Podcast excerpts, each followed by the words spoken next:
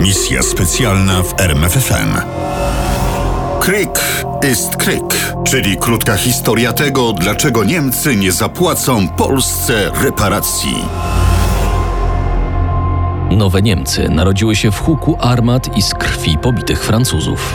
Był początek marca 1871 roku. Armia II Rzeszy defilowała po ulicach Paryża. Napoleon III przebywał w niewoli, a Wilhelm I został cesarzem Niemiec. Ojcem chrzestnym tego sukcesu był kanclerz Otto Bismarck. To on sprowokował Francuzów do wypowiedzenia wojny. I to on rzucił im ciężkie warunki pokojowe. Jak ciężkie?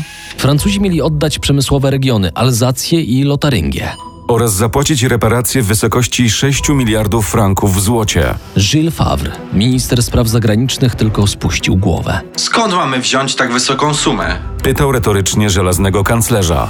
Bez przemysłu z Alzacji będzie nam ciężko ją zdobyć. Nie interesuje mnie to. Creek ist Creek. Wojna to wojna. Miał powiedzieć Francuzom Bismarck. A jednak mimo tych twardych słów zgodził się zmniejszyć reparacje wojenne z 6 do 5 miliardów franków w złocie.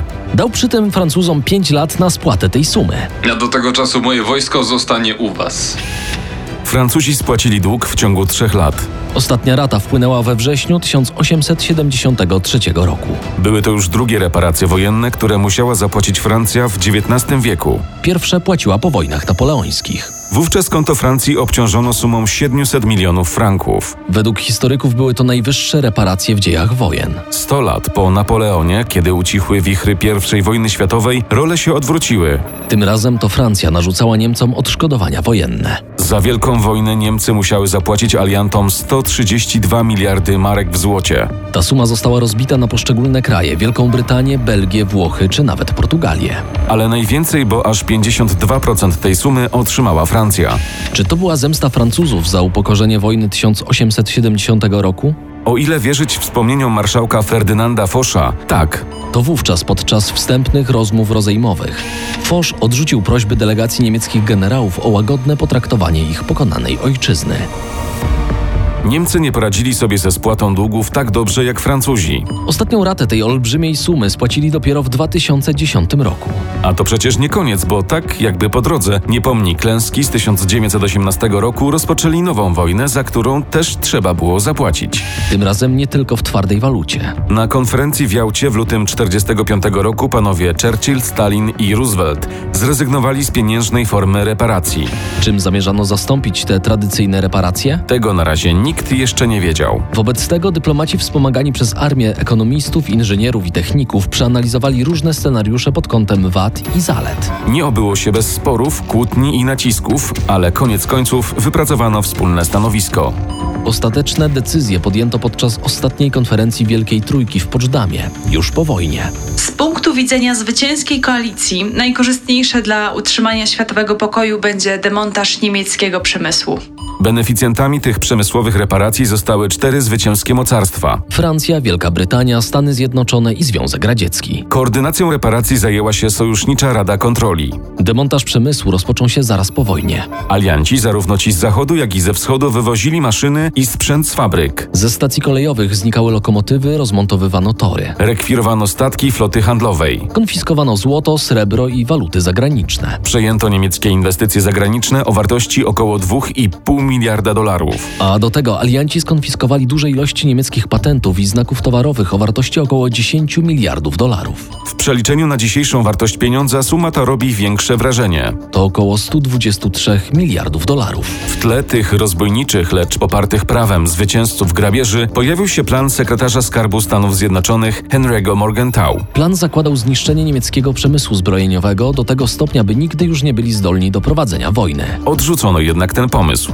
Analiza przeprowadzona przez Amerykanów wykazała, że wprowadzenie tego planu w życie spowodowałoby śmierć głodową nawet 25 milionów Niemców. Tymczasem kulawy przemysł niemiecki nadal musiał pracować na rzecz aliantów. Na zachód i wschód jechały tony węgla i stali. Kres tym węglowo-stalowym konwojom przyniósł rok 1947, kiedy wszedł w życie plan Marszala ratujący Europę przed gigantycznym kryzysem, a Stany Zjednoczone zamierzały przywrócić stabilne gospodarczo Niemcy. Tylko Związek Radziecki nadal korzystał z bogactw swojej strefy okupacyjnej, ściągając stamtąd towary przemysłowe i surowce aż do 1953 roku. Ale niemiecka cena za drugą wojnę to nie tylko upadek gospodarki. To również straty terytorialne. W wyniku porozumień Wielkiej Trójki Polska przejęła niemieckie terytoria na wschód od Odry i Nysy Łużyckiej oraz południową część Prus. Francja kontrolowała zagłębie Sary, Pojawił się nawet pomysł trwałego włączenia tego regionu do Francji. ale z obawy przed zbytnim osłabieniem podzielonych Niemiec zrezygnowano z tego projektu i 1 stycznia 1957 roku zagłębie Sary wróciło do RFN. Nawet Mała Holandia zabrała maleńki kawałek niemieckiego tortu.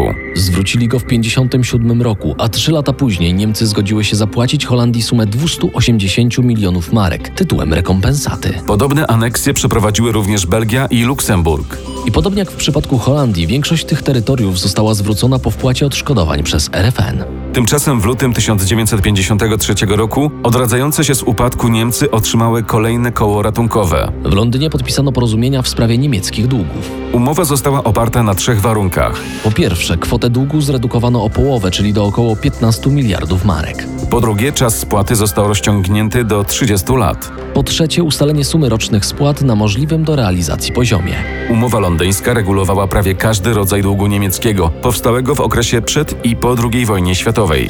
Według ekonomistów umowa znacząco przyczyniła się do rozwoju powojennej gospodarki niemieckiej i odrodzenia Niemiec jako światowej potęgi gospodarczej. Umożliwiło Niemcom wejście do międzynarodowych instytucji gospodarczych, takich jak Bank Światowy i Międzynarodowy Fundusz Walutowy. A jak w tym programie reparacji wyglądała sprawa polska? 23 sierpnia 1953 roku rząd PRL na podstawie poleceń z Moskwy ogłosił, że 1 stycznia 1954 roku zrzeknie się prawa do reparacji wojennych od NRD. W zamian NRD musiała zaakceptować granice na Odrze i Nysie. Nie przedstawiono jednak formalnej noty dyplomatycznej rządowi NRD. To raz. A dwa działano niezgodnie z prawem. Według konstytucji PRL tylko Rada Państwa mogła podjąć taką decyzję. Tymczasem mijały lata i nikt nie korygował tego błędu. Za to w listopadzie 69 roku w nocie przesłanej do ONZ zażądano działań nie tylko w celu ukarania zbrodniarzy wojennych i sprawców zbrodni przeciwko ludzkości, ale także ustalenia procedur i podziału odszkodowań wojennych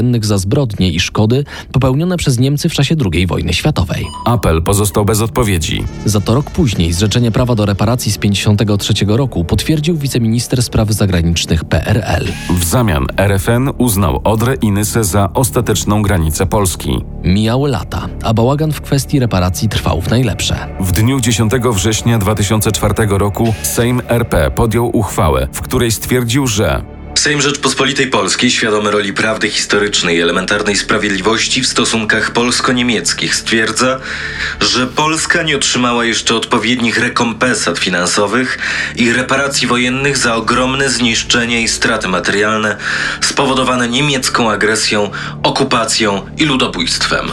Miesiąc później wydała kolejne oświadczenie. Deklaracja z 23 sierpnia 1953 roku została przyjęta zgodnie z ówczesnym porządkiem konstytucyjnym, zgodnie z prawem międzynarodowym zawartym w Karcie Narodów Zjednoczonych.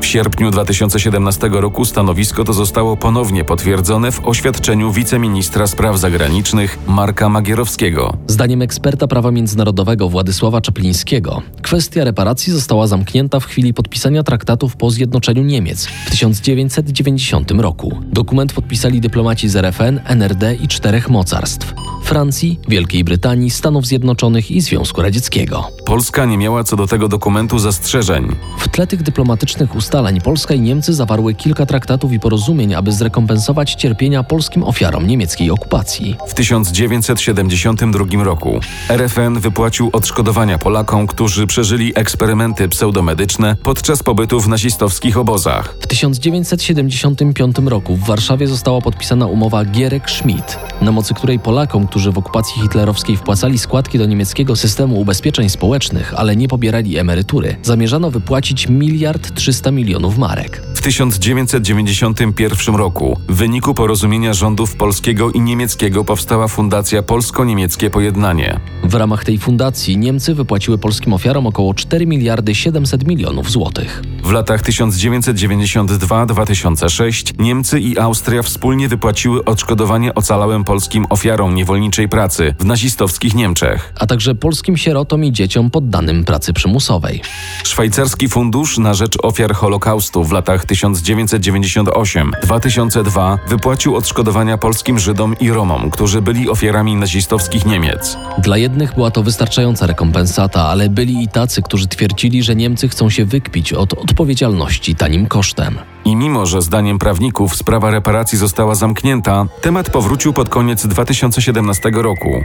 Od tego czasu rząd polski stoi na stanowisku, że odmowa Polski z 1953 roku nie jest wiążąca, ponieważ kraj był pod kontrolą Związku Radzieckiego. We wrześniu 2022 roku Jarosław Kaczyński ogłosił, że rząd zamierza oficjalnie zażądać od rządu niemieckiego wypłacenia 6,2 biliona złotych, czyli 1 biliona 320 miliardów dolarów reparacji. W 83. rocznicę wybuchu II wojny światowej 1 września na Zamku Królewskim w Warszawie został przedstawiony raport polskiego rządu o polskich stratach i zniszczeniach wojennych w latach 1939-1945. Raport obejmował również kwestie prawne dotyczące zrzeczenia się przez Polskę w 1953 roku praw reparacyjnych. Według raportu Rzekome jednostronne oświadczenie Rady Ministrów z dnia 23 sierpnia 1953 roku w sprawie zrzeczenia się przez PRL reparacji wojennych naruszało konstytucję, ponieważ sprawy ratyfikacji i wypowiedzenia umów międzynarodowych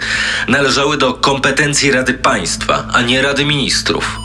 Poza tym zrzeczenie dotyczyło tylko NRD, a nie Republiki Federalnej Niemiec i nigdy nie wysłano do rządu w Berlinie noty dyplomatycznej oficjalnie informującej o decyzji Warszawy. dwa tygodnie później Sejm przyjął uchwałę stwierdzającą, że Państwo polskie nigdy nie zrzekło się roszczeń wobec państwa niemieckiego. Sejm Rzeczpospolitej Polskiej wzywa rząd niemiecki do przejęcia odpowiedzialności politycznej, historycznej, prawnej i finansowej za wszelkie skutki wywołane wybuchem II wojny światowej. 2 października 2022 roku minister spraw zagranicznych Polski Zbigniew Rau podpisał notę dyplomatyczną wzywającą rząd Niemiec do podjęcia oficjalnego procesu negocjacyjnego w sprawie reparacji między Polską a Niemcami. następnego dnia przekazano dokument pani minister spraw zagranicznych Niemiec Annalenie Baerbock. Wydaje się, że dyplomacja niemiecka niewiele robi sobie z tych polskich życzeń i zażaleń. Naszym zdaniem nie ma podstawy prawnej do wypłaty reparacji wojennych. I kto ma rację w tym prawno-dyplomatycznym sporze? Misja specjalna w RMFFM. Na tropie największych tajemnic historii.